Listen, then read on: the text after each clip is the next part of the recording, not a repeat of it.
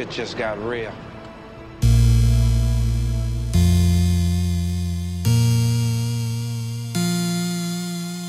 God morgen, alle sammen, og velkommen til uh, Lolbua morgenedition uh, guerrilla-style. For første gang på 100 år ca. så har vi spilt inn en episode uten å streame innspillinga live.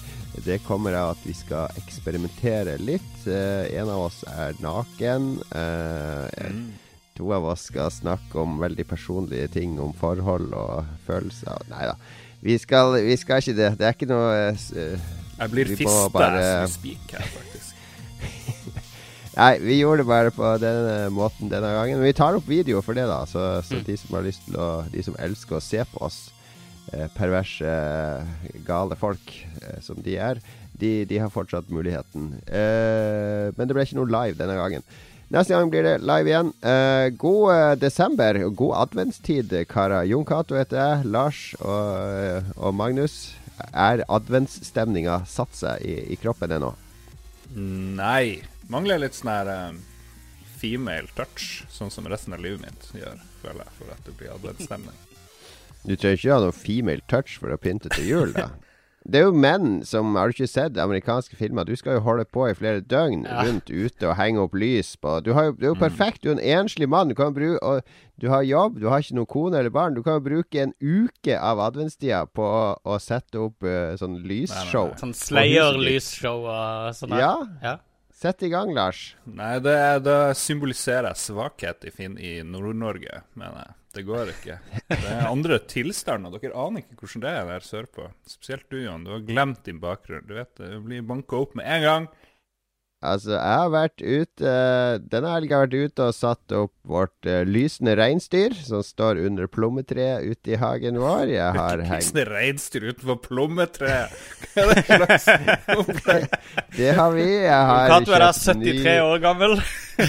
ny, ny lyslenke som vi har rundt den ene søyla ute ved døra. Eh, vi har satt opp nisser. Eh, gavekalenderen er nesten klar. Det er mye som skal gjøres før jul. Det vet jo du, Magnus. Du står jo halve eh, desemberen din er jo å stå og stappe julepølse. Uh, ja, det, det, er jo faktisk en av tingene. Og så lager du mat etterpå?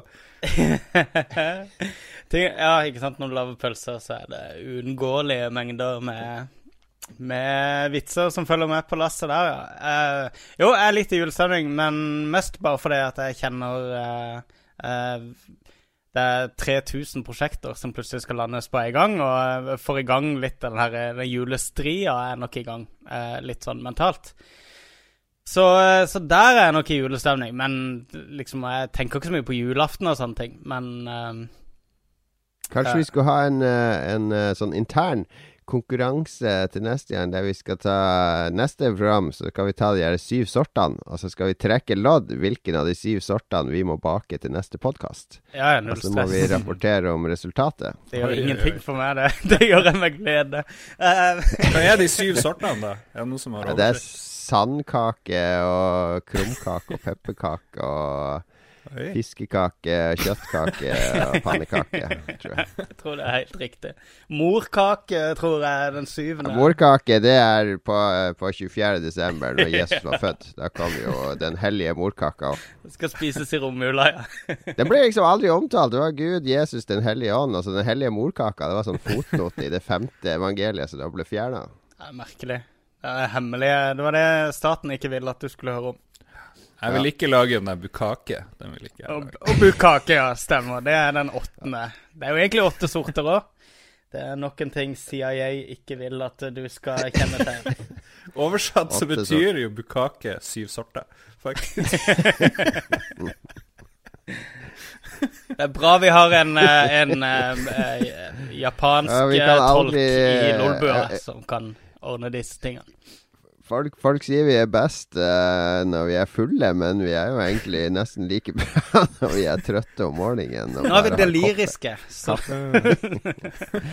deliriske eller fulle, hva er best? Hvordan er Lolbua best? Tenk, oh, tenk, om vi var fulle på morgenen, da. Det hadde jo vært uh, ja. dobbel, dobbel dose. Lars er litt brisen ut. Jeg skal stille meg opp ned på kaia sammen med fyllikene neste gang vi spiller inn. De er full tidlig på morgenen.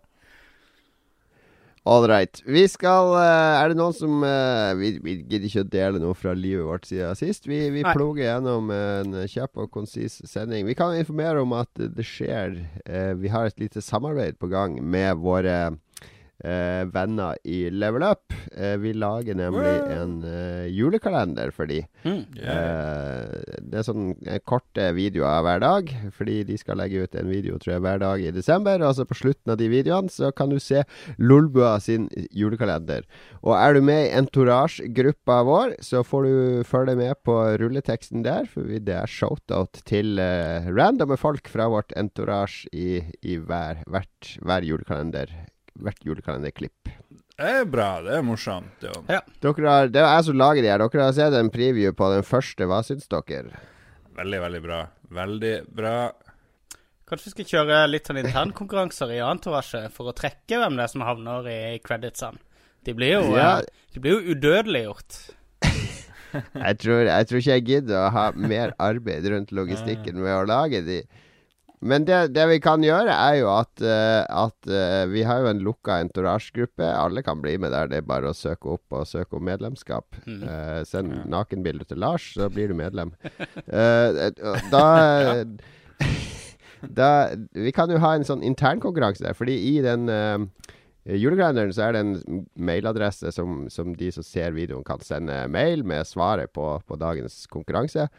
Eh, og så trekker vi en vinner der. Men vi kan jo ha en sånn Entourage kan jo kjøre sin egen lille internkonkurranse i Entourage-gruppa. Så den første i Entourage som skriver svaret i Entourage-gruppa, han får heder og ære. Det riktige Ja, svaret. Ja. Så, så det opplyser vi om her og nå. Entourage, ta og kjør litt internkonkurranse på Level Up julekalenderen. Smart. Se hvem som knekker gåta først. Mm. Eh, hver dag i desember. Vi skal følge med der.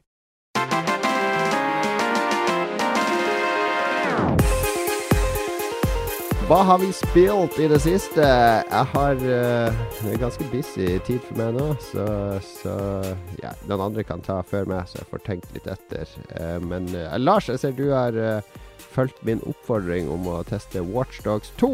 Yes, yes.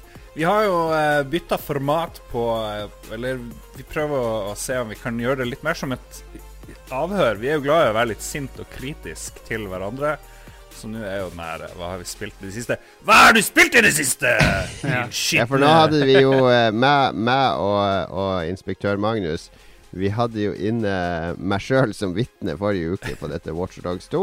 Fikk et godt vitnesbyrd der. eh, En tommel opp. Um, nå har vi fått inn et nytt vitne som kanskje har litt sånn motstridende vitnesmål på hva som har skjedd. Og Det er jeg sånn overraskende, overraskende vitne som har kommet inn sånn i siste liten, med masse vital informasjon om spillet. Som løser Jeg hele slår knyttneven i bordet foran dette skjelvende vitnet i hans uh, magacaps og sier Hva slags informasjon har du om dette spillet som vi ikke har fått allerede? Jeg så på nyhetene at uh, Watchdogs 2 var i ferd med å bli hylla som et fantastisk spill. Jeg husker det var et sentralt vitne, Jon Cato Lorentzen. Han satt i vitneboksen, klarte og var veldig overbevisende og sa at det var strålende greier. Kanskje, kanskje bedre enn GTA5 på noen måter. Og det så ut som juryen trodde på han. Og vet dere hva, da reagerte Da måtte jeg melde meg. Måtte jeg melde meg på uh, spillpolitistasjonen. eh, for det der, det, det, det bildet er mer nyansert enn så. Um, La oss nå ikke gå total uh, RP her på podkasten. Never go full RP. Hva, hva, hva er dine inntrykk av dette spillet, da? Få høre. Nei, jeg satt i ro og fred hjemme i stua. Og så jeg, jeg, jeg var jo aldri noen fan av det første Watch Dogs, som er helt sånn kun fordi jeg leste om det og hørte om det og, og prøvde det aldri sjøl. Så jeg har jo ingen grunn til å si at det første Watchdogs er verken det ene eller det andre. Men siden du skrøt så mye av det, så tenkte jeg ja, ja, da kjører vi på. Det, det er litt sånn yo, og det er litt sånn eh, eh, Kanskje en litt slitsom verden, fikk jeg inntrykk av, men det var morsomt. Mye gameplay-elementer som gjør det bra. Og så buta jeg det opp, og så blir jeg bare angrepet fra første sekund med sånn yo, uh, hacker-drit hele tida. Og det slutter jo aldri. jeg blir gal av det der, eh, estetikken og den måten de snakker på. Og jeg som syns det var litt gøy med Anonymous og sånne ting i starten, før det ble tydelig hvor patetisk og sånt de egentlig er. Det er bare en dude som sitter i stua, spiller inn stilige videoer. Syns det er kanskje det beste med å være hacker i gåstegn. Og det er jo sånn de er hele tida. Det viktigste er å produsere videoer og grafikk og være kul. Og, og, så, og gjøre like mye skade som, som bra, på et vis, egentlig. For du kan jo fære å ødelegge hele denne byen. Et av mine første mission det var å stjele den Nightrider-bilen og knuse gjennom halve byen. Og, og bare lage masse, masse, livsfarlige situasjoner hele veien. Så, så det har jo et, et, alvorlig bakteppe med at, at man blir overvåka, det er en sånn OS som styrer alt, ikke sant. Og så skal du frigjøre folket, men det eneste man vil, det er jo oppmerksomhet og være dusj. Dusjete sånn her eh, Eh, 20 ja, år. Det er jo en dust. du er skikkelig dust. Selvsentrert. Du skal jo gate followers, det er jo det de går ut på. ja, jeg, liker, at uh, Lars har helt annen uh, innfallsvinkel på spillet enn det du hadde, Jon Cato. Du fokuserte nesten 100 bare på gameplay og liksom på, på jeg er jo han som, er jo han som klikker skip på cutscenes, hvis Nettopp. jeg kan. mens, mens Lars går mer inn på det konseptuelle med spillet, og det er jo det jeg også uh, eh, er mest nysgjerrig på, eh, føler jeg. Men eh, ja, du sier Er det mye lingo? Det, for det, det har jeg hørt, at de går litt mann av bordet på ungdomslingo, og at de blir litt sånn, sånn gamefatter til tider i, i manuset, med at de prøver litt for hardt å bruke litt for gamle memes og sånne ting underveis. Eh. Er det det du tenkte på? Det er mye script kiddies, og det er mye eh, Ja. uttrykk fra, fra Twitter, for å si det sånn, eller Mhm. hvor nå enn de har sittet og, og inn hanka inn Twitch-lingo der. òg. Si, Ja. Sier de kappa? Er det noen som har sett kappa ennå? Jeg husker ikke, jeg har ikke notert ned alt som irriterer meg, men det hadde blitt ja. en lang liste.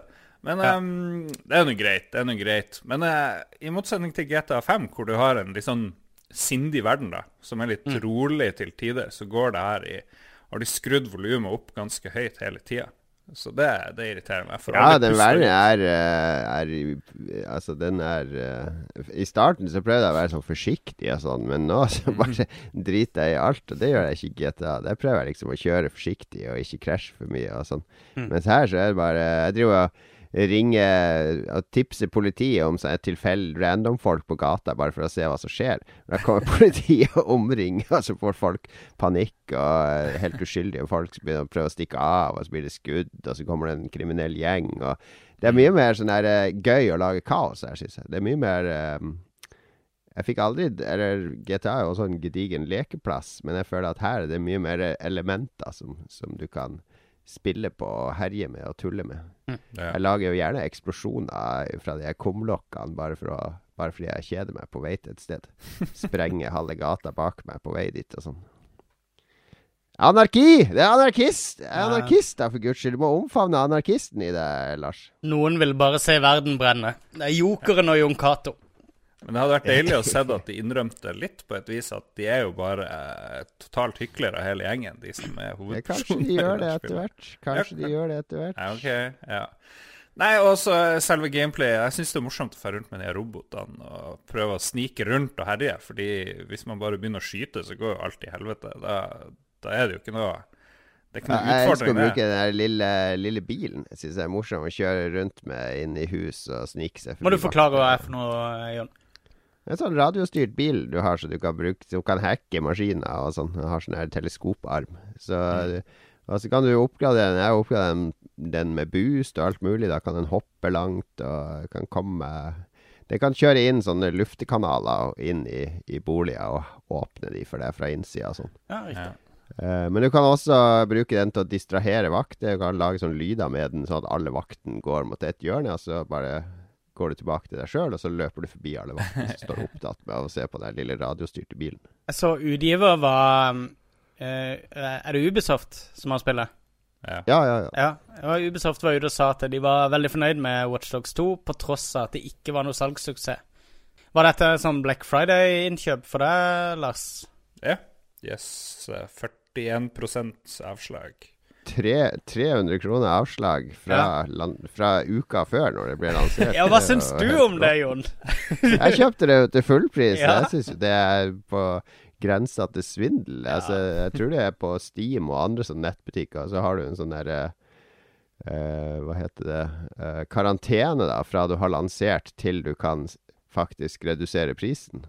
Hva var det? Det var, var det uh, Wii U som ble dumpa i pris ganske kort tid etter at det, Det var Nintendo 64 som ble satt ned i pris ganske fort, og da måtte de tilby alle som hadde kjøpt den til fullpris i tre første månedene, Ja. eh, en sånn gratis eh, ekstra joystick, da. Det var en av de nyere konsollene også det skjedde med, husker jeg. Da det ble skikkelig oppsyn Ja. på Men det gjelder ikke digitalt, de reglene der, tror jeg. Så det er bare sånn selvjustis. Ja. ja, men det burde de kanskje ha følt litt på. Altså, bare det å lansere spill rett før Black Friday er jo litt rart. For det at I hvert fall når det er uka før, og for det at du har på den ene sida har du folk som da vil vente til Black Friday, fordi at de vet at neste uke så blir ting eh, har du ikke fått memoen? I Lolbua så omtaler vi det konsekvens som svartefredag. Svarte fredag, ja. Men ikke Ja. det som er greit, for det første ukesalget er jo veldig viktig. Det var derfor uh, verdenslanseringa ble pusha i Europa, så var jo verdenslanseringa på fredag før. Uh, Ja, ja. Det var standarden. Og så ble det jo pusha til mandag og tirsdag i stedet, fordi at uh, de kan få inn mye høyere tall på den første salgsuka, da. Eh, Men Svarte fredag er vel noe som har kommet nå de siste årene, i hvert fall digitalt. Fordi Ja. det har jo vært sånn der veldig fysisk butikkbasert event i USA før. Men, men nå blir jo salget spredd utover de to Ja. neste ukene, ikke sant? Hvis du slipper det eh, uka før svarte fredag. Eh, idioti, det er svartefredagen. Ja, det er egentlig det. Um, kjøpte Ja. du ja, har, dere, har dere kjøpt noe mer? Forresten, uh, shoppa dere løs som gale på internett? Det eneste jeg kjøpte, var Watch Watchdogs 2, faktisk. Ja. Og du, Jon? Ja. Kjøpte du noe? Nei jeg, Nei. Men det jeg hørte fra, fra noen som jobber i elektrobutikk, er jo at eh, bare drit i å kjøpe noe på Black Friday. I stedet så drar du, tar du fri på mandagen. Svarte fredag. så- Ja, svartfredag. Beklager, jeg brøt min egen regel. Bare drit i å kjøpe noe på svartfredag. I stedet så drar du på, på blåmandag, altså den mandagen etter svartefredag. Så stå, drar du til den største elektrobutikken i byen din, og så står det bare 'heng ved returpunktet deres. For da kommer alle folk som har sånn her to år gammel TV Ja. eller eh, monitor eller whatever, og leverer det inn der, da. For de har jo vært og kjøpt seg nytt på, på svartefredag, så den trenger de ikke lenger. Så der kan du bare hanske inn nesten nye ting eh, som har vært brukt et par år. Nice. Ja, for de sa at de får inn utrolig mye flotte ting som liksom Og folk har tatt det ned i eska de kjøpte det i for et år eller to siden, og bare satt det inn der. For å dra det Um, tilbake til Watch Dogs 2, så kan Ja. jeg bare si jeg har ikke spilt nok til å komme med en endelig dom til, eh, til i rettssaken her, da, men jeg er ikke like positiv som deg, Jon. Det er jo morsomt å surre rundt, men den der verden, jeg vet ikke. Det, og så føler jeg ikke at du får samme stemninga som i GTA, da, som er liksom gullstandarden min. eh, GTA 5, Nei. når du får det fantastiske lyset i, i Los Angeles, liksom. og i det her San Francisco-verdenen i Watchdogs er mer sånn glorete. Den har ikke den der lille ekstra uh, Det første spillet var i. Chicago. Hvor er det nå hen? Hvilken, uh, hvilken by er det satt til? San Francisco. Ja, riktig. Ja. Takk for meg. Takk til deg. Kom deg på huet og ræva ut derfra, og ikke forlat byen. Uh, vi skal ha en eh, neste vitne. En ny sak er oppretta om uh, Blackwell-serien. Noe gammelt ræl fra Ja. 90-tallet. Hvem i sine fulle fem setter seg ned og spiller noe sånn? Uh, det her går vi ikke på. Det her har ikke du spilt. Bevis at du har spilt det her, Magnus. Jeg hadde egentlig en litt sånn smooth overgang fra den Black Friday-tematikken, nemlig. For jeg, jeg kjøpte ingenting på Black Friday. Men jeg har uh, eh, Det er jo gammel sånn point and click-tryne. Dette vet jo du veldig godt, Jon. Dette har vi diskutert 100 millioner ganger før. Um, og Blackwell-spillene er noe som alltid har ligget på Steam Svartebrønn. Svartebrønn, brønn, sier vi her. nei, vet du hva. um, men det Hva er noe som alltid har ligget jeg har aldri hørt om eh, Blackwell. Du må forklare hva det er for noe. Ja, og det det er typisk en sånn pek og klikk eh, adventure-spillserie som alltid har ligget ute veldig billig på Steam, og som jeg har vurdert Uh, og klikka meg inn på litt screenshots og sånn, og blitt sånn her jeg, Jeg gidder ikke likevel. For det, det ser liksom Ved første øye Hva heter det? Første inntrykket, i hvert fall. Uh, Første Første øyekast. øyekast var Jeg tenkte øyefall av en eller annen grunn. Um, ved første øyekast så ser det litt ut som en sånn um, kjærlighets... Eller sånn her eh, litt sånn klissete eh, krimroman. Um, med litt eh, sånn soft eh, tematikk og sånne ting. Litt sånn som uh, Gable Night-serien ble etter hvert, syns jeg, da. Eh, og eh, med at eh, det handler om en sånn kvinnelig Eller en kvinne i hovedrollen eh, som har et eh, spøkelse som makker, hvor hun er ute og løser eh, eh, mordmysterier. Men først og fremst da så er hun et medium som hjelper spøkelser med å eh, eh, Altså å innse at de er døde. En ren kopi av Sixth Sense, med andre ord.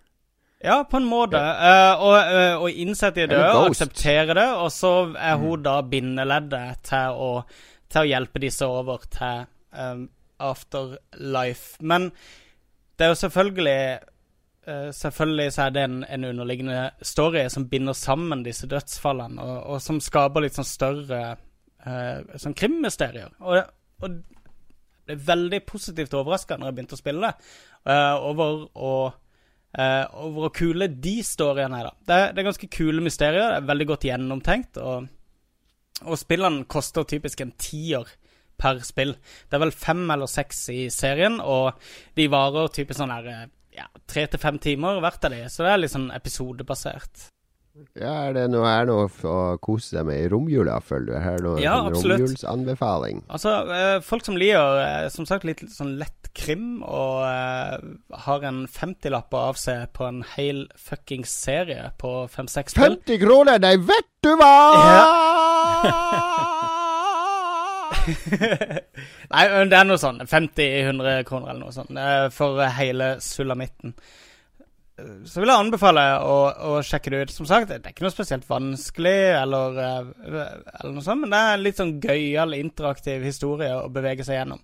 Det skal sies at det sklir litt ut mot slutten, at han, forfatteren har kanskje gått litt tom for ideer etter hvert, men det begynner i hvert fall veldig fett. Og ehm, ja. Blackwell-spillet, altså De er ute på IOS òg, er det ikke det? Skal jeg spoile hele serien? Alle de der mordmysteriene ender opp med at oi, de ligger nede i en svart brønn. Ja, eller eh, Det slutter jo selvfølgelig med at eh, mediumet Nei, du har vært død hele tida. Ja. Ja, jeg tror ikke vi trenger å Jeg tror folk har hørt nok om Blackwell nå, egentlig. Jeg- Så jeg ble litt eh, nysgjerrig sjøl, jeg må innrømme. Hva med det, Lars? Ja, men det er vel bare på PC, det er ikke på Commodore 64. Det er mulig det fins til, til den uh, Amiga Macintoshen din også. Det er jeg faktisk ikke sikker på. Det er, seriøst så er det noe som burde kunne spilles i en browser. Mm. Så uh, ja. Verd å sjekke ut. All right.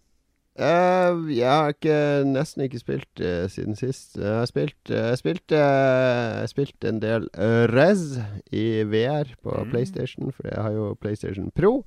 Og da måtte jeg teste Du skal skryte av den PS Pro-en din. Ja, for du sitter der Jeg, jeg, jeg tror ikke jeg gidder å kjøpe og sånn, så jeg må, jo hver gang si at eh, spillene ser mye bedre ut hos meg enn hos deg, Lars. eh, selv om du har din eh, 2000-tommers plasma-TV. Eh, nei da, jeg spilte, måtte prøve Res i eh, med PS4 Pro. Jeg måtte jo også låse opp den der Area X. Ja. Så jeg blasta gjennom alle de vanlige områdene og låste opp det nye spesialområdet som er laga for det nye spillet. Eh, kjørte gjennom det i VR. Det er veldig, det er veldig kult. Det er veldig ja, de sier det. Uh, Ja, det er, vel, det er jo veldig sånn trippy uh, VR funker jo egentlig utrolig bra når du ikke prøver å gjenskape virkeligheten for deg. da Hm. Når du lager litt sånne der, eh, surrealistiske omgivelser og og tar litt sånn Doctor Strange-tripp gjennom uh, bisarre dimensjoner og, og farger og former og alt mulig sånn. For du blir jo det, Du blir jo veldig blir veldig mektige bilder da, når du står midt inni det sjøl.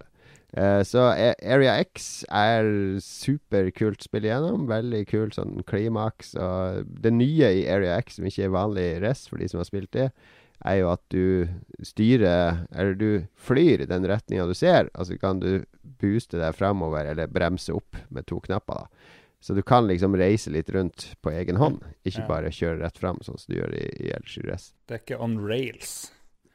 Nei, eh, ja på en, Det er jo på en måte on Ja, ja. rails fortsatt, men du kan fly fritt rundt i hvert lille kapittel. En flying simulator. Uh, ja. Men jeg skulle gjerne si at de lagde full Enda flere brett i den samme ånd, altså en slags Race 2.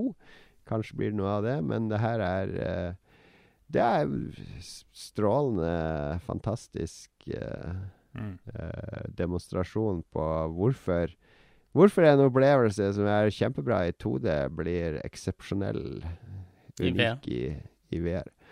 Så bør absolutt testes hvis du har tilgang til noe PlayStation VR.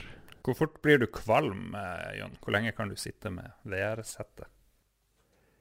Eh, nei, jeg har ikke noe problem nå lenger. Det eneste som jeg har blitt kvalm av, er jo spill som har dårlig framerate, Mm. eller der eh, trackinga ikke er helt nøyaktig.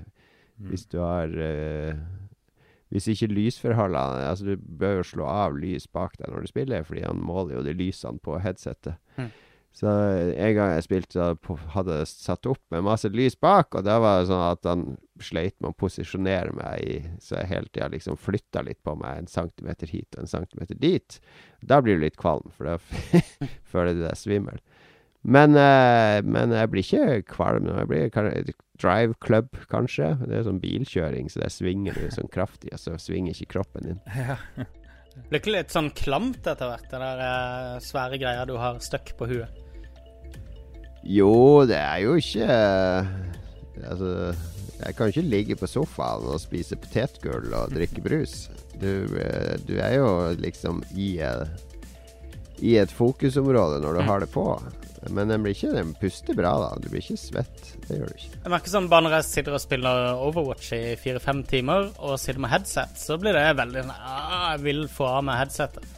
Da kan jeg fint eh, bare si jeg må spille alene litt, bare for å kunne spille uten headset. For jeg syns det er så klamt og varmt. Hvis du ligger i badekaret i fire-fem timer òg, så blir det jo også ganske klamt. Ja, men, jeg, Så, men jeg tenker er det, Men hvis bare et headset er liksom ubehagelig i lengden, er det sånn med VR-greier? Er det en ting? Eller er du ferdig med å spille før du er kommet til det punktet hvor uh, VR-brillene er blitt uh, Begynner å bli litt for varme og Nei, det, det, akkurat det har ikke vært noe problem. Det er med at du blir sliten i øynene og sånn, så jeg holder jo aldri på mer enn en time, halvannen om gangen. Ja, Ja. Men eh, det gjør jeg ikke med andre spill heller. Den tida der jeg kunne sitte fem timer foran et spill, er for lengst over. Så jeg anbefaler for barn, så kan du se Jeg at visste det skulle komme. De klamme, klamme headset uh, slutter å være et problem. Hvis kameraet hadde vært litt lenger ned nå, så hadde du sett meg og sånn her fem, fire, tre, to, én, og så telle frem til eh, Jon Cato sa familie eller barn som Ja, du kan eh, telle så mye du vil under låten som kommer nå. Når vi kommer tilbake, så blir det helt ny type nyhetsspalte. Vi elsker å fornye oss her, så jeg har funnet opp en helt ny nyhetsspalte nå etter denne melodien.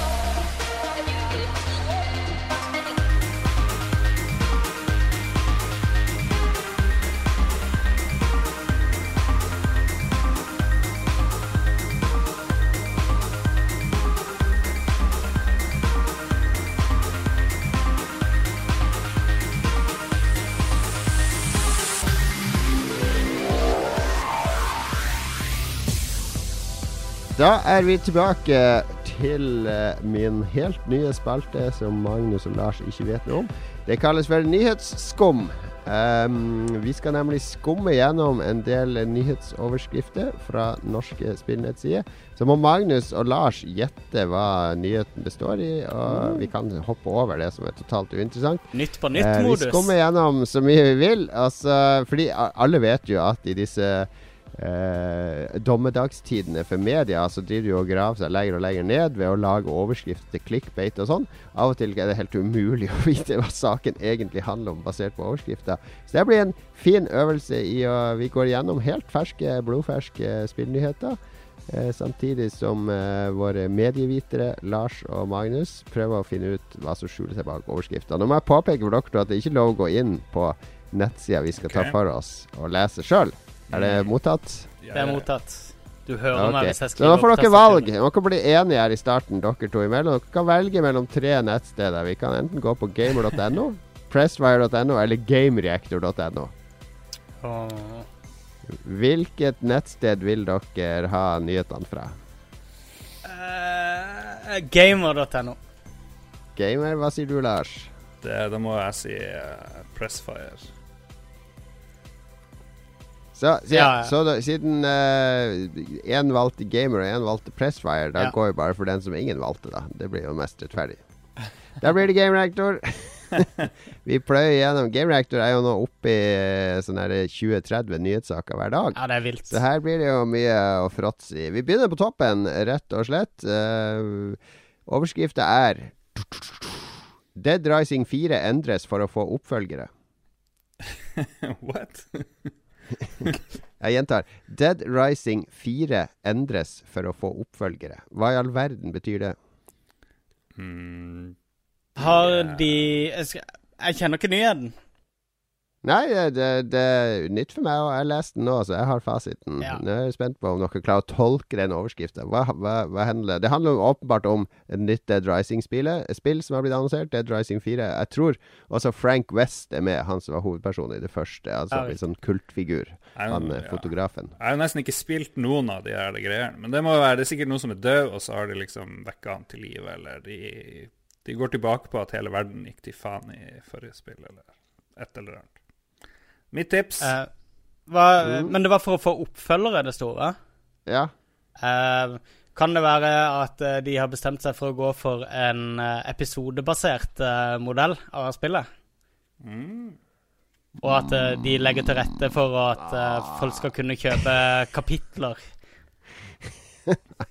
Eh, det var ingen av dere som traff Ah, her. Eh, nyheten som er, Jeg ble ikke så mye klokere av å lese den, men den, det, at de har fjerna samarbeid i historiemodusen, og så har Frank fått en ny stemmeskuespiller. Og tidsbegrensninga som har vært før, altså at det har gått en klokke, har de tatt bort. mm. Og sjefen i Capcom Vancouver sier i et intervju at uh, De er engelske, de sitatene der, er det ikke det? Ja, De har slutta å ja, de er- De er oversatt Å, eh, de, eh, at de ønsker å lage flere spill i serien, og da må de endre serien for å fortsatt underholde. Dette kan av og til bety at man må ta kontroversielle avgjørelser. ja, jeg likte ikke den Eh, der tidsbegrensninga i spillet, så det er jeg enig i. Det var litt av derfor jeg ikke gidda å spille det.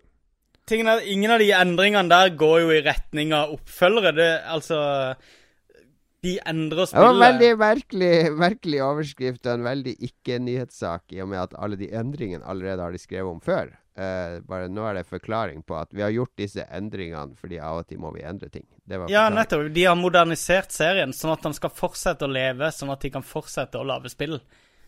Terningkast på den nyheten, eh, En ener, altså.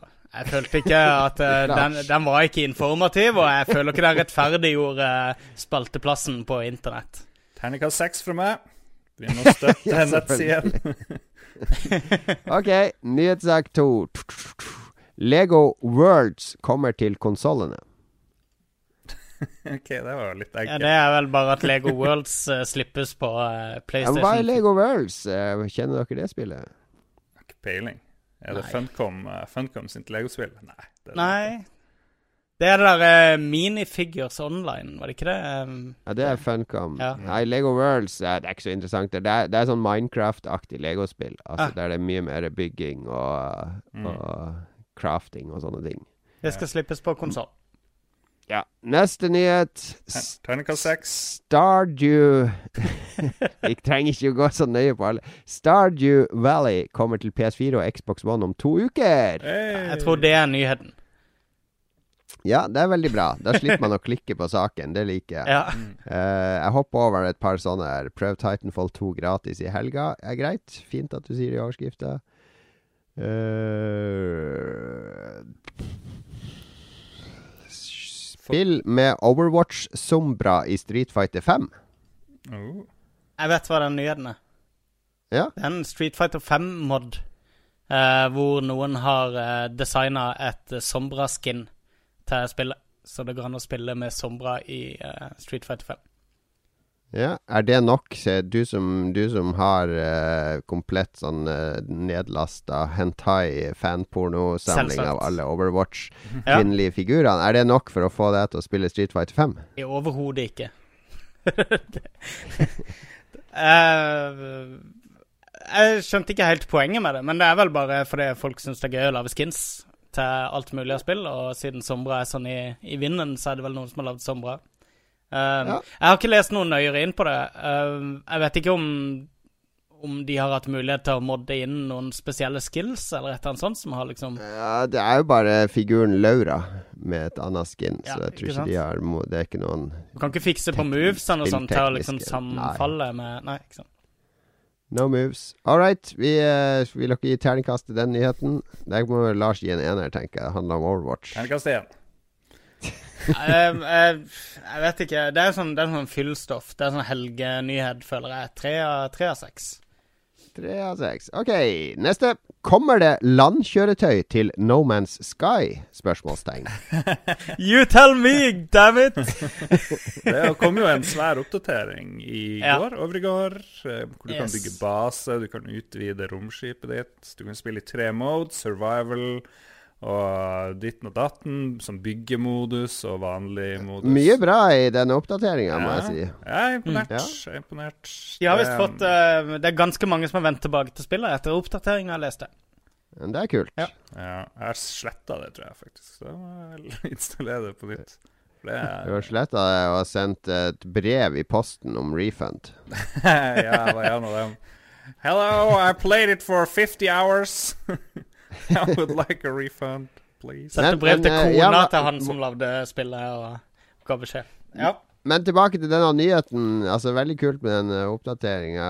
Det som jeg syns er enda kulere, det er jo at når eh, sånn som gamer og sånn lager saker om det, så er det halvparten av kommentarene er folk som klager på at de skriver om No Man's Sky og gir det oppmerksomhet. ja sånn er PC-gamer også veldig bra, føler jeg. Folk som er inne og kommenterer på Facebook-linker og klikker seg inn på saker og holder i La gang meg engasjere. i La meg bruke engasjement på denne saken om dette som eh, dere ikke bør eh, bruke tid på. Så når de, når de sitter og leser gjennom den metadataen i slutten av uka i disse redaksjonene, så ser de sånn Å, No Man's Sky-nyheter. Ja, der, eh, der hadde vi mye, mye engasjement.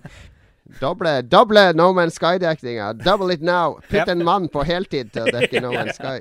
Det er tydelig at det vekker engasjement. Ok, Yes. Men tilbake til denne nyheten. Hvorfor er det, kommer det landkjøretøy til No Man's Sky? Hvorfor, har de, hvorfor spør de om det?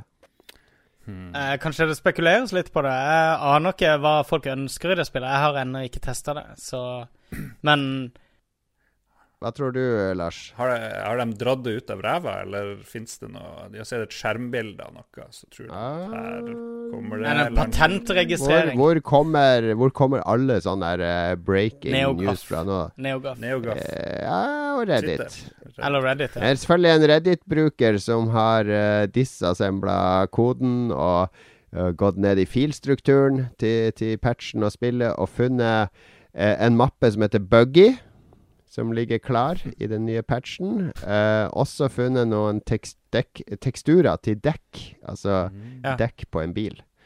Eh, som, eh, og det er det som da starta Altså disse filene han har funnet, som har starta ryktene om, om at det vil komme et landkjøretøy. Det hadde vært kult. Det hadde vært kult å cruise rundt på noen av de planetene. Absolutt. Kunne du ikke Jeg skjønner, kunne du ikke det opprinnelig? Du kan gå og fly. Du kan jo fly rundt på Ja. planetene. Ja, ikke sant? Men hvorfor skal du kjøre, da? Det fins en Terningkast! Terningkast seks. Det finnes en mod på PC som gjør at du kan hovre i ro i lufta i No Man's Sky. Det savner jeg på konsoll. For du må liksom Du har kan aldri stå i ro. Det er jo helt Tragisk. Ja, du må alltid Ah, ja. eh, slumre litt. Terningkast fra deg, Magnus.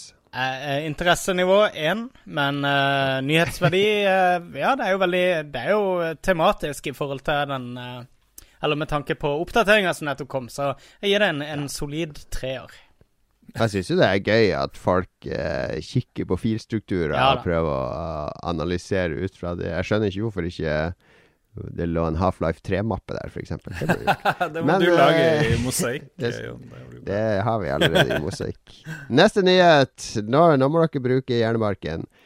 Counter-Strike-spillerne får mer å hanskes med. Mm, de får flere hansker. Det blir sånn her Å, rett på, rett på! Det kommer nemlig De har introdusert hanskeskins i Counter-Strike. Eh, for dere to som ikke spiller CS all, eh, En veldig, veldig stor valuta og økonomi i Counter-Strike som går ut på skins. Altså skins Ja. til våpen, og, og nå kommer det altså også skins til hansker, da. Eh, de mest populære våpenskinsa selges jo for over 10 000 kroner på nettauksjoner. Som jo er galskap, fordi de gjør jo ingen De har ingen praktisk betydning. ja. Jeg har uh, spilt litt Overwatch sammen med elevene til en kompis som jeg spiller mye sammen med. da. Og så inniblant så har han, og han er lærer på videregående, da. så da henta jeg inn eh, noen av elevene hans sine. Jeg har inniblant vært med og spilt sammen med oss. Der var det en som nå fortalte at eh, ja, nei, han hadde samla seg opp eh, litt forskjellige skins han hadde vunnet, og sånne ting, som han hadde solgt ut for 30 000 kroner. da. Dette er begynnelsen av 20-årene. Solgt for 30 000 Ja. kroner. Han hadde mer enn dobbelt så mange igjen, og sånne ting, men det var nok til å kjøpe en sånn her sinnssyk gamer-PC. da. Så han holdt seg Mm. liksom litt sånn flytende bare på disse dustete skinsene. Det er en bisarr uh, økonomi. Men terningkast uh, til den nyheten, da. At det kommer uh, Hva, hva var greia? At du kan kjøpe hansker nå fremover? Eller at hansker Ja, er du en del kan få skinsene? hanskeskins i sånne lootboxer. Jeg har, ikke, jeg har ikke lyst til å være en av de, altså, men kan ikke bare vel slutte å liksom å gnukke på måter og, og, og liksom presse penger ut av småunger, og heller lage fuckings Half-Life 3 eller Portal 3 eller en ny IP eller whatever. Jeg syns okay. det er veldig kynisk, det der med de, de Jo, men nyheten, det er overskrifta. Ja, ok da. Counter-Strike-spillerne får mer å hanskes med. Det er en bra overskrift. Ja, det er en av de jo, beste det er en firer. Jeg er enig i det. Ja. Fire. Hvordan er det skalaen din?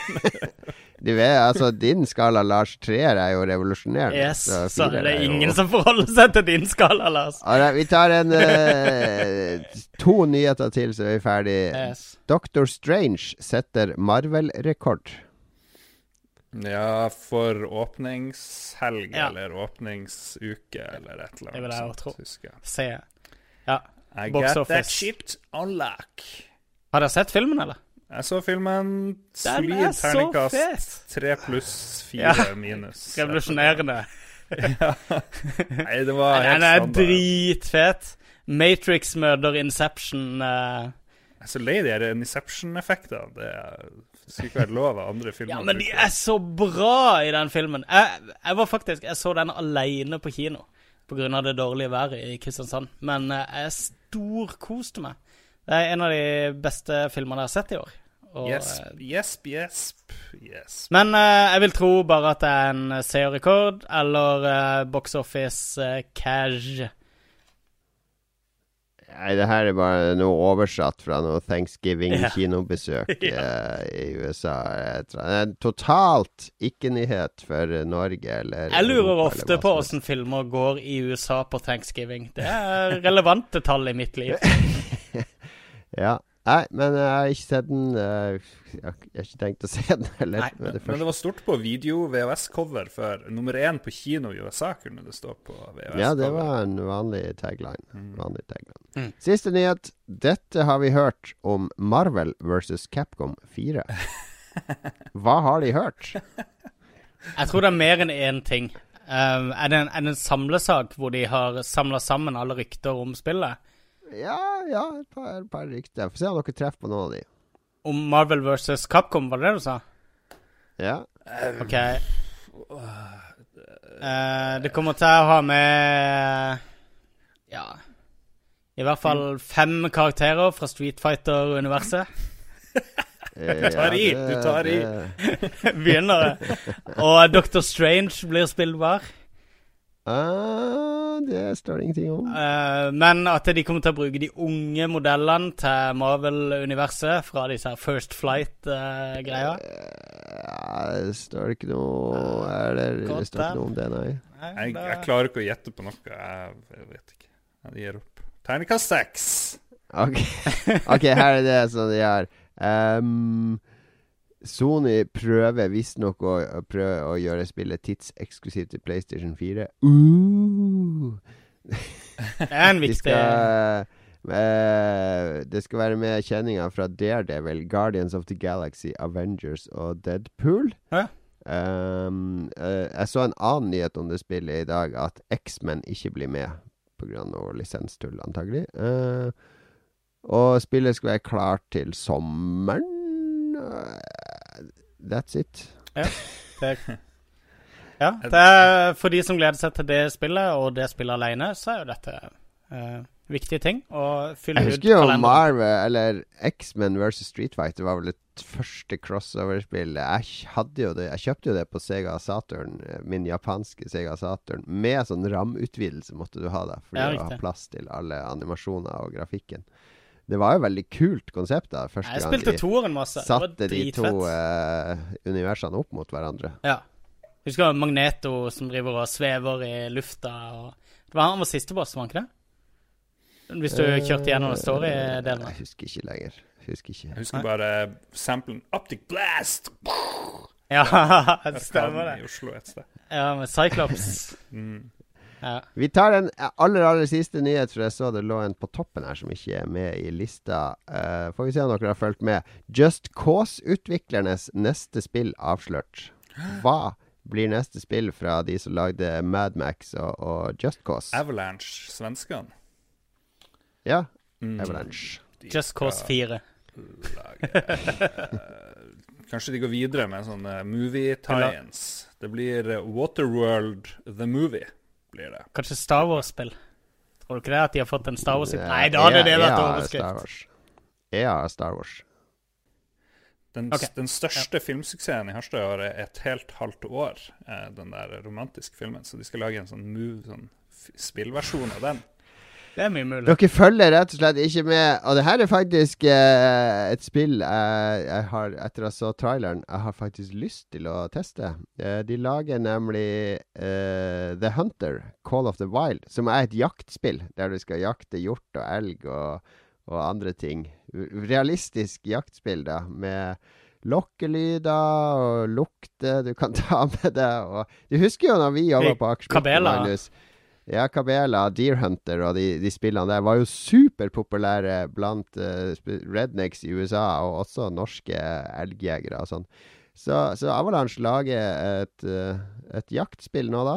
Uh, og jeg anbefaler å sjekke ut traileren Hunter Call of the Wild, som egentlig bare er sånn tech-demo-trailer der de liksom reiser rundt i skogene. Og det minner jo om eh, GTA har jo også jakt GTA 5. Du kan jo jakte på, på elg der. Minner litt om det, bare grafikken er superpen. Og jeg for en. Jeg, er klar for et jaktspill der jeg skal luske rundt i skogen og ligge og vente på bytte og sikte og holde pusten og Rolig, rolig og fokusert jaktspill. Du sa ikke hele tittelen på spillet. Hunter Call of the Wild. Vi- Surviving after four years of eh, Donald Trump. Det var siste nyhet i denne varianten på nyhetsspalten. Kan hende vi aldri, aldri kommer tilbake til nyhetsskum. Jeg vet ikke hva dere syns. Jeg synes det var veldig bra. Gøy, og Ja da, det var veldig fin måte å kunne gå gjennom uh, nyhetsbildet på. Da er du vår nye nyhetsresearcher, uh, Jon Cato. Det setter Ja, pris på. Ja, bare hvis vi har nyhetsskum. Vi trenger ikke ha det hver gang. Av og til. Av og til. Uh, vi er tilbake om noen få strakser.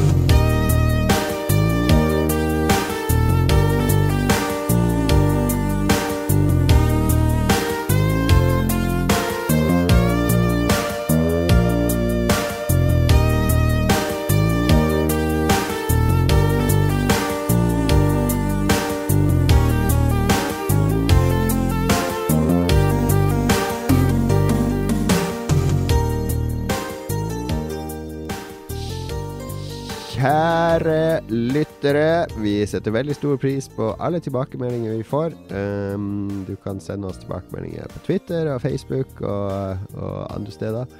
Uh, og vi får altså noen innspill. Forrige uke så hadde vi sånn vakuumuke der vi hva i all verden skal vi snakke om i denne episoden. Og da fikk vi inn en drøss med forslag til hva vi skulle ta for oss. Stemmer ikke det, Lars? Stemmer, stemmer. Vi rakk ikke å bli ferdig, så da kan vi ta siste rest før vi igjen Vi tar siste bolk med forslag fra lytterne nå. Første innspill fra da vi spurte om hva skal vi snakke om.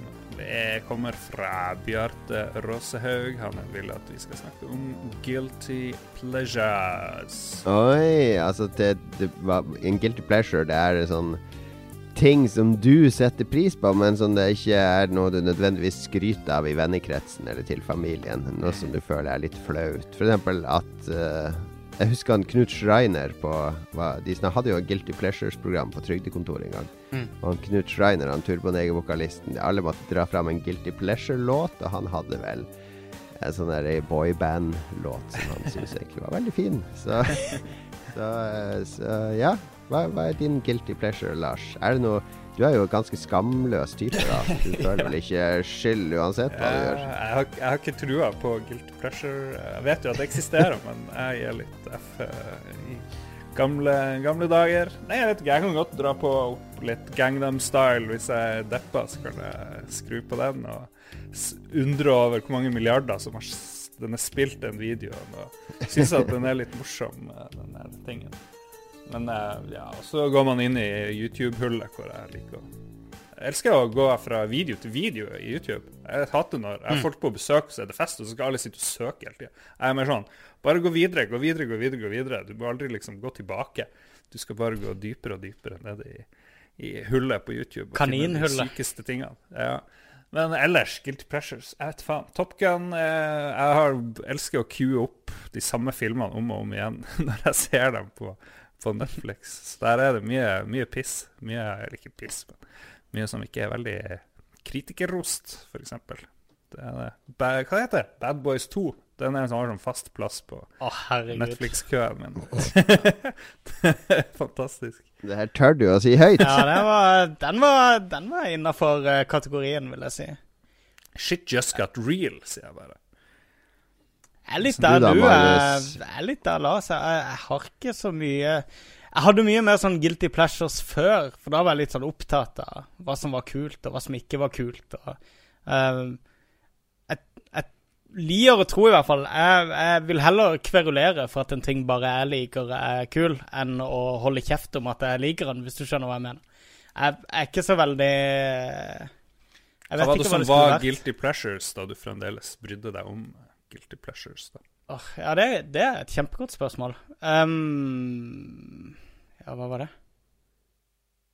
Uh, Roxette? Du digga Roxette? Ikke Roxette, nei, men uh, jeg husker jeg digga, jeg digga mye Britney Spears, som jeg syns var kult. Ah, ja, der kommer det. Men det syns jeg, nå, jeg syns ennå det er mange fete Britney Spears-låter.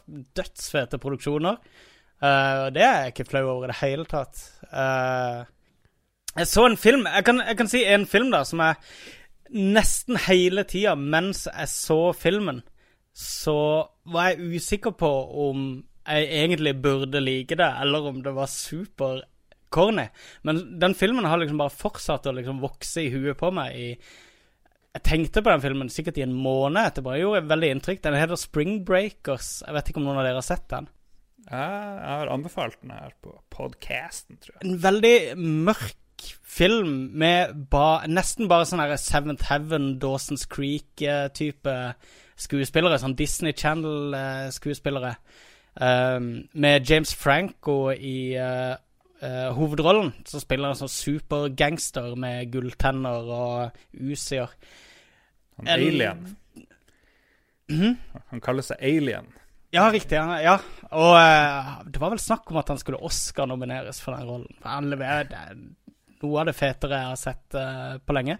Filmen er jeg, jeg tror Fremdeles så tror jeg at filmen er dødsbra, men jeg er litt usikker. Jeg har liksom ikke noen referanse på den, men, men ja. når jeg så den, da, så, bare, så fortsatte han bare å male i bakhodet i, i, flere uker etterpå. Det er, det er, et godt tegn ofte på at, at noe i hvert fall har trykka på noen riktige knapper. Og incidentally så har de et slags sånn her uh, Sånn de forguder uh, Spring Break og liksom hele mytologien rundt Spring Break. Det er en gjeng med sånn tenåringsjenter da, som, som, som, har et veldig nesten sånn spirituelt forhold til hele det der Spring Break-fenomenet. Og da spesielt Britney Spears. Så sirkelen ble slutta her på Guilty Pleasures. Uh, feltet i dag. Den, den har 5,3 på IMDb. Ikke sant? Så mm. kanskje, det er, kanskje, det er, dritt. Jeg vet ikke. Jeg, jeg, har ikke sett filmen igjen, og eh, han ligger jeg, jeg, tror jeg har den på lista mi på Netflix med store ambisjoner om å se den om igjen, men jeg har bare ikke turt å gjøre det ennå, for det Audience score på 38% på eh, Rotten Tomatoes. Så det er mulig du er inne på noe som veldig få liker.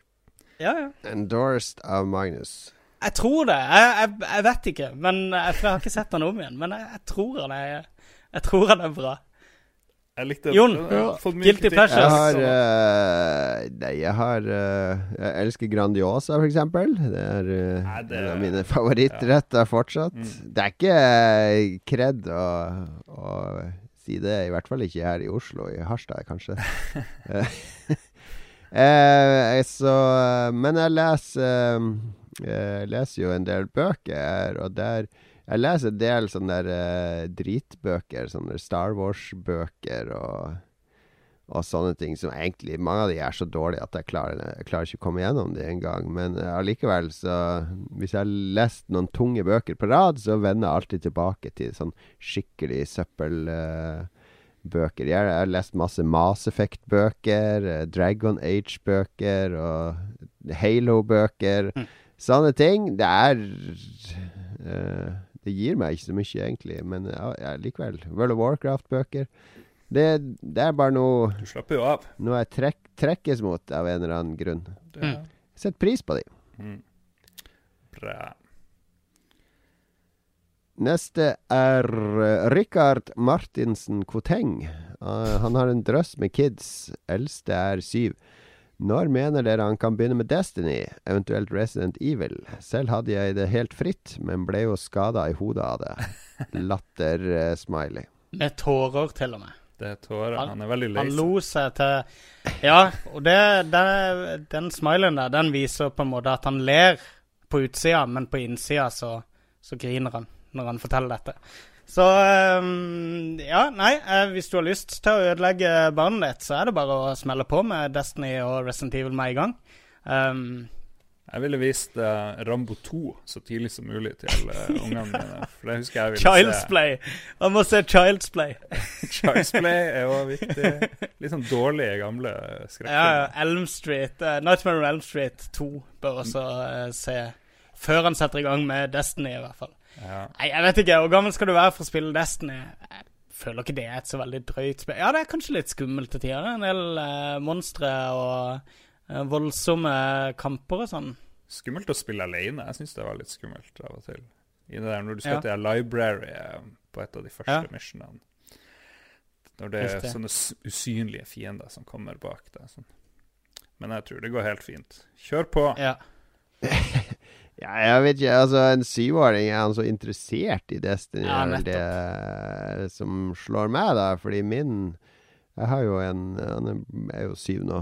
Han er jo overhodet ikke interessert i å spille verken Destiny eller Overwatch eller noe sånt. Han spiller Plants vs. Zombies på iPaden og mm. masse Clash of Clans Hva heter det? Clash Royale. Uh, Mm. Og, og, sånne type spill. Vi spiller Dragon Quest Builders og sånn. Det er ikke noe problem å finne spill som de liker i den alderen. Problemet kommer først når de blir 11-12 år, fordi da kommer det en sånn derre pubertetshormoner som sier at uh, Mario er barnslig, og vi må ha gønnere og blod eh, for å vise at vi er eh, voksne. Ja. Uh, da, da, får du Da blir det litt sånn verre å styre. Men da igjen så er det jo å gi de Overwatch eller Destiny eller hva skal vi si, snille skytespill, i stedet for å gå rett på på Nå er jo Call of Duty Splatoon. 16-årsgrense. Splatoon er jo kjempebra hvis du er syv år. Mm. Eh, men men uh, syvåringer er så ukritiske at det å, å finne spill som de liker å sette pris på, er veldig lett. Så det er ikke noe vits og her du skal spille CS. Det, du trenger ikke å, å gi det til syvåringen. Hvis ikke du har ambisjoner om at de skal bli sånn e-sport-legender, da. Da. Men da burde du begynt mye tidligere med CS på det. Ja. Og så er det en annen ting. Altså Når vi var kids, så var det jo sånn at alt av spill var spennende. Fordi det Mm. var ikke så mange spill, egentlig. Altså Du hadde en Commodore 64 eller en Amiga eller en Super Nintendo eller whatever. Det var bare så mange spill som var tilgjengelig på den, selv om det virka som det var veldig mange da. Så, eh, så sånn som det er nå, for min 15-åring og min 7-åring, de kan velge mellom en million spill på, på tablet og iPhone og Steam og alle plattformer. Mm. Så at de, de er mye mer bevisst på hva de velger. Mens vi spilte alt av skrekkspill og voldsspill og alt mulig sånn, så var det fordi at alt det var innenfor et utvalg som var innen rekkevidde, og vi hadde lyst til å prøve mest mulig. Mens nå er ikke det der Man trenger ikke å oppsøke de spillene. Så, så begge mine, eller alle mine barn, mine eldste barn, er veldig bevisst på hva de går etter. Og han syvåringen kommer hele tida og vil laste ned nye gratisspill på iPaden.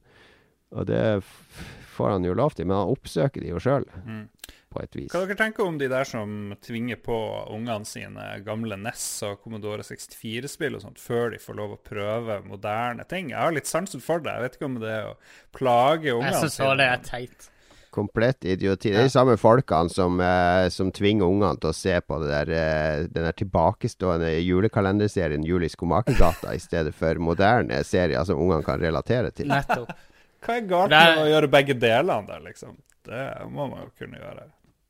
Jeg vokste jo opp med Det er ikke noe galt med det. Jeg spiller Megaman 2 med ungene, jeg òg. Mm. Der jeg spiller og de ser på som regel. Det blir fort for vanskelig for dem, men de setter jo pris på estetikken og musikken. Og de lager jo, når de er så små, så lager de jo historier oppi hodet sitt basert på det enkle de ser på skjermen.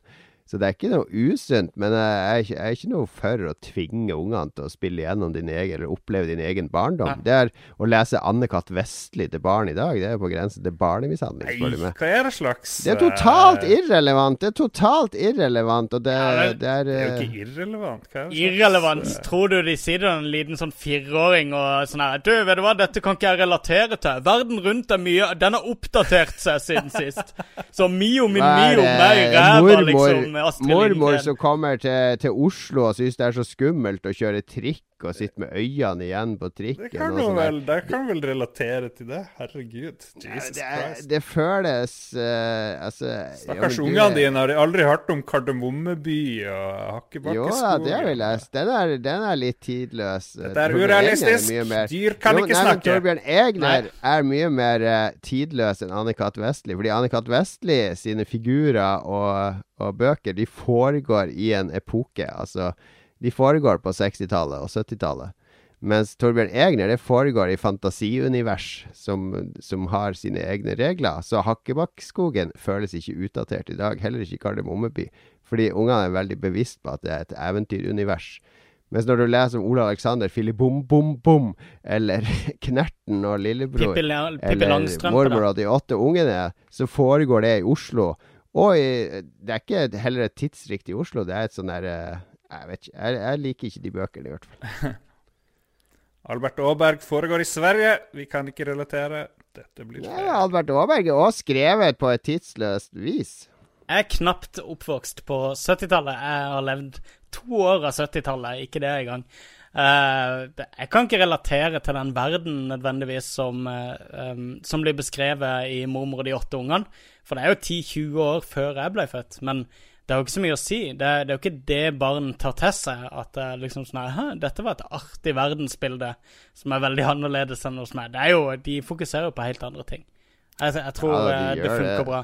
Jeg tror eh, liksom sånn Saltkråkene funker fremdeles, liksom. Men jeg er enig med deg med det der sentimentet om at eh, jeg hadde en god barndom, derfor skal jeg liksom gjenskape hele min barndom for mine barn. Det tror jeg er en Det, det er bullshit. Og det er også Ja. bullshit hvis du ser på hva som selges av barnebøker i bokhandlerne, så er det et voldsomt problem for nye barnebokforfattere å selge Ja. bøker.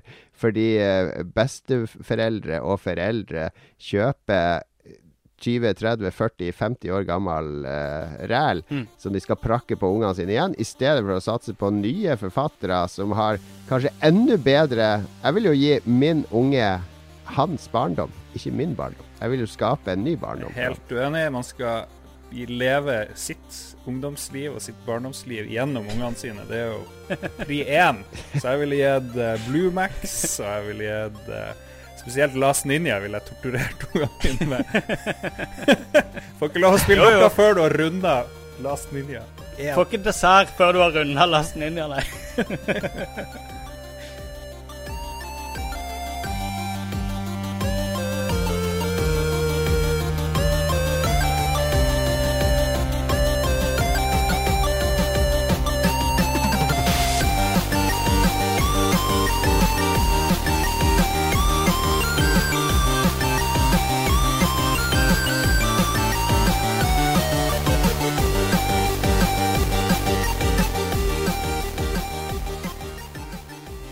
Neste Det er Magnus som har neste Ja, leselinje. det er Vegard Mudenia.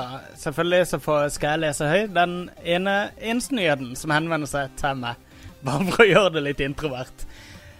Han sier at han hører at Division er blitt gøy, gøy, gøy igjen. Stemmer det? Og eh, så spør han meg da om det er noe nytt innenfor Overwatch. Ah, shit, det skulle jeg fjerna hvis jeg så det. Men OK. Det kom et nytt map i Overwatch i dag, kan jeg bare si. Det er jo gammelt mm. nytt når denne uh, episoden blir posta. Yes, det var siste nytt. Så The Yes, så kan vi gå videre. Det har kommet en ny uh, oppdatering. Jeg vet ikke om den har kommet på PlayStation, men i hvert fall på PC og Xbox. Som heter sånn her, det er sånn survival mode, hvor det sner masse, og du begynner å fryse, og du må eh, finne, finne klær, og du må finne forsyninger og mat og sånt for å ikke dø. Det høres veldig gøy ut. Og Pluss at den der 1.4-patchen gjorde jo veldig mye for å gjøre spillet bedre og balansert. Og så um, forteller han Ståle Alec Baldwin sånn at uh, den her Ubisofts vice president of live operation sier at spillere har kommet tilbake i hopetall. Det er akkurat like mange aktive spillere som ved lansering. Det er jeg litt vanskelig for å tro på. Det høres ut som vill løgn. Er det noen som vet noe mer? Mer om det? Ingenting.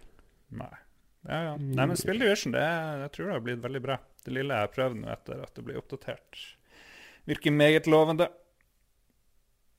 OK, Ja, ja, ja. Da går ja, vi videre ja. til Kian Krogstad, min gode venn her i Harstad, som har, mener vi skal snakke om Siv 6, for det syns han er Oh. veldig, veldig gøy. Jeg spilte Jeg spilte noe Det er jo veldig bra. Jeg syns det er uh, kjempebra. Ja. Jeg liker så å si alt ved det. En eh, siste bruker Nei, hva jeg sier jeg? Lytter. Christian Laksmark. Laksmark, det er veldig rart etternavn. Det er liksom en mark der med full av laks. Lurer på om det her er debuten til Christian Laksmark. Ja, Da er det viktig at vi gjør såpass mye narr av navnet hans at han aldri sender inn et forslag igjen. Det kan være en sånn spesialagn for å ta laks med. At eh, familien hans fant opp en sånn De breeda fram en, en mark som laksen elsker. Mm. oh, ja, riktig, riktig. Mm, kanskje. Men han vil at vi skal prate om Donald Duck! Hjerte, hjerte. Hva er uh, bilnummeret til Donald Duck? eh, Jon Jeg tenkte å spørre om det samme. 313, det vet jo alle. Hva sa du? Gud, 313, 313, selvfølgelig. ja. Hva heter hunden til Donald Duck, Lars? Han heter Kølle. Nei, Magnus. uh, Å, det er Magnus som er i Disneyland hvert år og elsker Nei, nei, Disney og Donald talt. overalt. Hva heter hunden til Donald Duck? Jeg har det på tunga. Jeg kommer Ja, ikke på det det. håper jeg ikke. Han heter, begynner på B. B Mm. bitch. Bolivar. Bolivar. Ja, riktig. den der Bolivar. med Tønna Ja, halsen. Er Ja, ja, ja. Jeg tenkte faktisk eh, på den der blodhunden som han hadde til tider på eh, Hva var det, på 50-tallet eller noe sånt. Ja, da, er det er før vår tid. Ja, nei, Donald er uh, ekstremt viktig del av min barndom. Sant Bernharden. Jeg husker jeg var så fascinert av den der tønna han hadde under halsen med er det, Hva er det han har i? Er det whisky eller konjakk eller noe sånt? Som han går og drypper i Han driver GHB, ja. Som han drypper i kjeften på folk som har uh, Type sånn her uh, Når de har uh, blitt tatt av snøskred og ligger besvimt ja, ja. i bunnen av bakken, så kommer Bolivar og drypper et par dråper i kjeften på dem, med GHB, da, tydeligvis. For da våkner de med i gang. så jeg lurer, på om, jeg lurer på om greia var at det skulle være sprit i den tønna. Det er sjelden jeg ser det i skisporet på vinteren, at det kommer hunder med sånn tønne rundt halsen. Mm. Ja, det er sant, det. Pappa samla på Donald, så jeg hadde fra nummer én det første norske Donald. Og um, det var komplett samling frem til 75, tror jeg. Mm. Og så hadde vi, vi hadde abonnement hele oppveksten. Så jeg har lest sikkert absolutt alle Donald som har kommet frem til jeg vet ikke, rundt uh, 95 eller noe sånt, vil jeg tro. Men det har vært en viktig del av oppveksten min, det er å lese disse Donald-permene som vi leste i filler. De ble så stygge etter hvert. I tillegg til disse ja. digre bøkene med de eh, Husker du de gamle avisstripene som er samla? Ja. De er 'Jeg, Mikke Mus' og 'Jeg, Donald Duck' og disse. Jeg har alle de, ja. Men uh, ja, det var kult at du hadde den samlinga helt til du begynte å jobbe i Spiderman med Kjell Gunnar. Og da, etter en sånn fyllekule, så var det liksom uh, to øl, så var den samlinga hans. det var akkurat det som skjedde. Omtrent. Yes. Nei, Lars, du er Donald-hater, vet du. Nei, nei, nei. Syns Donald, ja. Du var mer eh, jeg, jeg, føler når du vokste opp, så var det enten Donald eller fan, Fantomet. Mm. Det var liksom Det var de ja, som leste Fantomet, og så var det de som leste Donald. Jeg var, jeg var avhengig av tegneserier. Absolutt alt jeg kunne finne, kjøpte jeg. fort på sånne bruktbutikker og bare hamstra absolutt alt jeg kunne finne. Men jeg likte ja, alt som hadde med science fiction å gjøre, var liksom spesielt kult. For det fantes ikke så mye av Agent X9 var kult. Og ja. Var det mye Jetsons? Uh, og så kom det etter hvert sånn, liksom mer sånn voksentegneserier hvor det var litt sånn halvnakne damer. Det var en stor opplevelse. det husker jeg. Fremdeles. Heavy metal? Ja, ikke, jo, det var vel òg gøy, men det var et eller annet blad. Må, det ble uh, Det ble mye lest. Say no more! Say no more. Uff, uff, uff. Ja, ja. Uh, jeg avslutter med Jeg driver og mobber Lars da fordi han, uh, han, er så i tvil om han skal kjøpe PlayStation 4 Pro. For et fjols. Jeg ser jo nå da at Final Fantasy 15 ser jo amazingly mye bedre ut på PS4 Pro, melder Eurogamer i dag. Mm. Det burde være det du trenger. Det er ingen som har begynt på FF15 ennå her. Jeg vet jo at dere har uh, ligget på kne for å få tilsendt kopier. Skulle komme i går, sa en eller annen dude, men det kom ikke. så... Får se om det kommer det kom i dag. I går, det er i salg nå. Ja, ja men det skulle komme til meg i går. jeg, er litt, jeg er litt uinteressert, kjenner jeg. Men jeg, jeg har fulgt litt på Twitch. For det, er veldig mange av de profilerte streamerne som nå spiller Fun Fantasy 15. Så jeg har sett uh, tre forskjellige folk spille i sikkert en seks-syv timer til sammen. Og uh, fått en sånn greit innblikk i, i uh, faktisk gameplay fra spillet. Jeg syns det ser litt skripta ut mellom de, i denne her åpne verden, syns jeg det Hva? Et skript av Final Fantasy-spill? ja, ja, ikke sant? Og, uh, men så syns jeg også combaten, her nye combaten ser litt sånn der eh, rodete og forvirrende ut. Uh, jeg har fått litt mye skryt. Uh, ja, jeg vet det. Ja, ja alle moderne japanske rollespill skal jo ha sånn kaos-combat der du løper rundt og trykker på knapper. Ja. Og, ja. Alle skal liksom Men, gjenoppfinne, uh, gjenoppfinne JRPG combat, mens jeg føler uh, JRPG-publikummet er kanskje det mest konservative spillpublikummet som finnes der ute. Så det er litt ja, paradoksalt. Her i Vesten er det jo det, da. Ja. Men sånn som Xenoblade og de som har pionert dette action... Uh, kampsystemet. Det er jo veldig bra i de spillene, ja, men det er veldig alle. utilgjengelig. Det krever enorm investering av tid før du begynner å skjønne ting. Ja. Men jeg tror Final Fantasy sitt er mye lettere enn det. Men uh, ja, jeg skal sikkert prøve det, jeg òg. Ja. Uh, jeg anbefaler den gang. filmen, hvis dere ikke ser den. Jeg syns den var kul. Kingsglaive-filmen. Ja. Jeg kommer til å se den før spillet uansett, men ikke et sekund før. Jeg hørte at uh, spillet var totalt uforståelig hvis du ikke så det på forhånd, så jeg frykter jo det der. For jeg kommer jo til å klippe vekk alle cutscenes i spillet òg, da. Så eh, for meg så blir det bare uh, finne opp min egen historie underveis. Det er sikkert best. De har jo sannsynligvis sluppet den filmen fordi det ikke var plass på Blu-ray-disken til den lange intro-FMV-en uh, de hadde planlagt. Det hadde ikke overraska Ja. med Final Fantasy-folka. Altså. Nei, men vi får se. Jeg kjøper det i hvert fall ikke på dag én, for jeg regner Nei. med det er halv pris før jul. Yes. Hvis vi skal følge Watchdogs-modellen. Eh, så vi får se. Right. Da, eh, vi avslutter med å si at eh, ASA, det britiske forbrukertilsynet, har akkurat kommet med en ruling eh, der eh, en gjeng eh, NEK har saksøkt Hello Games og Valve og andre for misvisende skjermbilder og informasjon om dataspillet No Man's Sky. Eh, responsen er på sånn ca. 200 sider, med en grundig gjennomgang av alt, der eh, full medhold til Hello Games. Så Ja. eh, forbrukerne blir revkjørt igjen, kan vi vel konkludere med. Nei da. Eh, La de inn sånn der, eh, sånn knis underveis i svarene sine fra myndighetene. Eh, vi må At de, de kan umulig ha tatt det helt seriøst. Det virker som de har brukt enormt mye tid på å gå gjennom det, her, fordi det er en lang Eurogamer-sak om det med de viktigste punktene. Og den er gigalang, men den, eh, den egentlige rulinga, når jeg gikk inn og så på den, den er jo 100 ganger lenger. Ja. Eh, og de har besvart alle mulige spørsmål om where the om large scale space battles, structures and buildings shown in screenshots, uh, gameplay footage shown in trailer, yeah. behavior of player and non-player ships and sentinels in the game. Uh, footage of animal behavior. Ja, men husker du ikke alle de videoene folk lagde, da? Det var jo sånn her ja, men Killery-nivå ja, ja, på de har jo brukt måneder nå på å ta stilling til det her. Ja, men- og, uh, Alle la jo ut sånn konspirasjonsgreier med sånn her Å, ser du her? Så du det? Så du det lille hundredelssekundet der? Det kan ikke ha skjedd. Det kan du ikke gjenskape i spillet. Og alle skulle ta de på hver eneste mindre eh, lille detalj.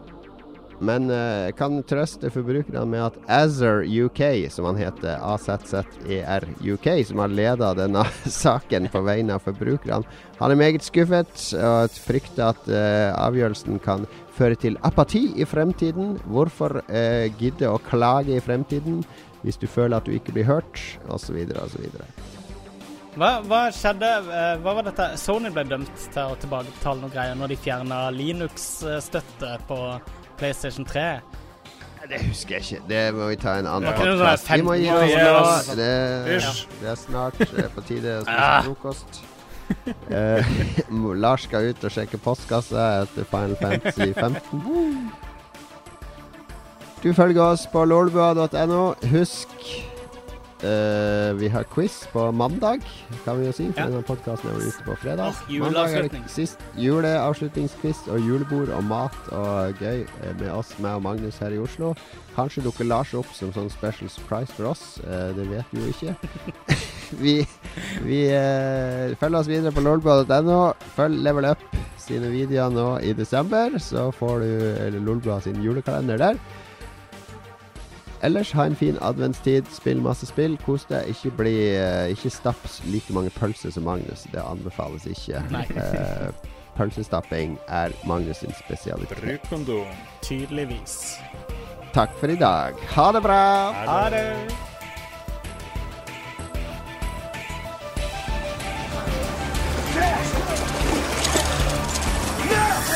No! know,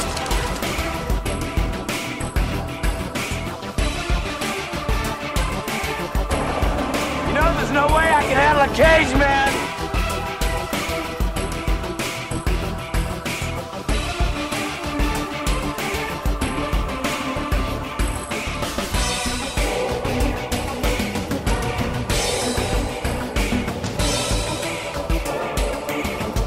I don't care.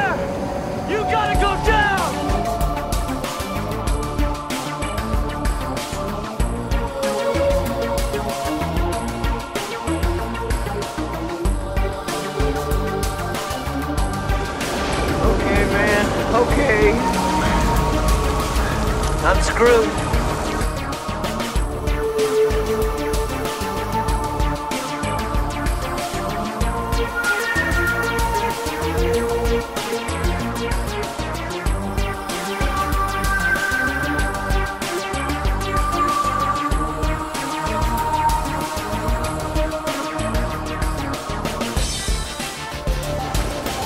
Look at it, Johnny. Look at it! is a once in a lifetime opportunity, man.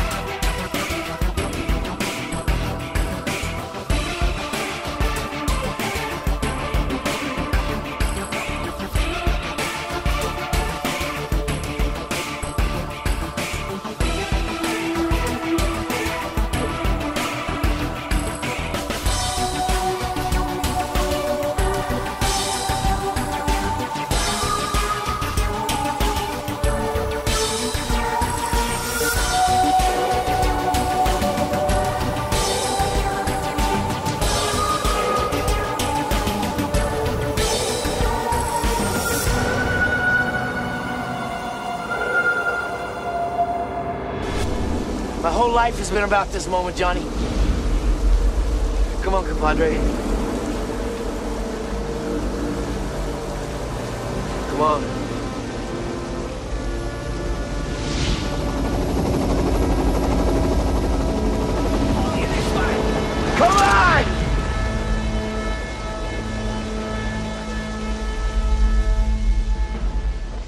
Har du et enkeltpersonforetak eller en liten bedrift? Da er du sikkert lei av å høre meg snakke om hvor enkelt det er med kvitteringer og bilag i fiken, så vi eh, gir oss her, vi. Fordi vi liker enkelt. Fiken superenkelt regnskap.